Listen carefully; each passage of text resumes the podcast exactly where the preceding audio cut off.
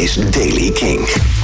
Nieuws over Fountains of Wayne, The Foo Fighters, Arcade Fire en The Streets. Dit is de Daily King van donderdag 2 april. Adam Schlesinger, een van de oprichters en songwriters van Fountains of Wayne. Later is hij werkzaam geweest voor heel veel Emmy-winners en Oscar-nominaties in de tv en film. Is overleden op woensdag na aanleiding van het COVID-virus. Adam Schlesinger is 52 jaar geworden.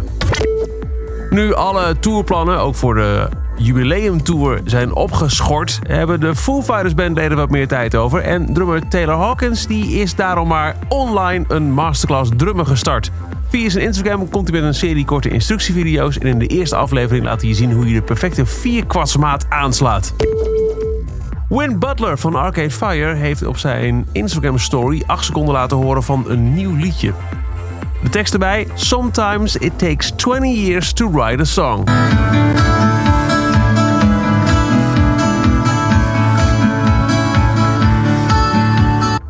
Of dit het begin is van een volledig liedje, een single of een album?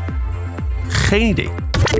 En nog meer muzikale teasers. Mike Skinner van The Streets heeft een kort filmpje laten zien met geluid...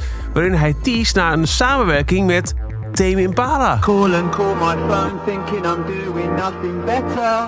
I'm just waiting for it to stop so I can use it again. I was gonna call you back. I swear, just as soon as I felt. You call and call my phone thinking I'm doing nothing better.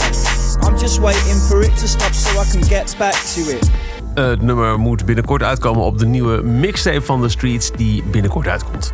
Tot zover de Daily Kink. Elke dag een paar minuten bij met het laatste muzieknieuws en nieuwe releases. Wil je niks missen, dan luister je dag in dag uit naar de Daily Kink via de Kink-app, kink.nl of waar je ook maar naar een podcast luistert.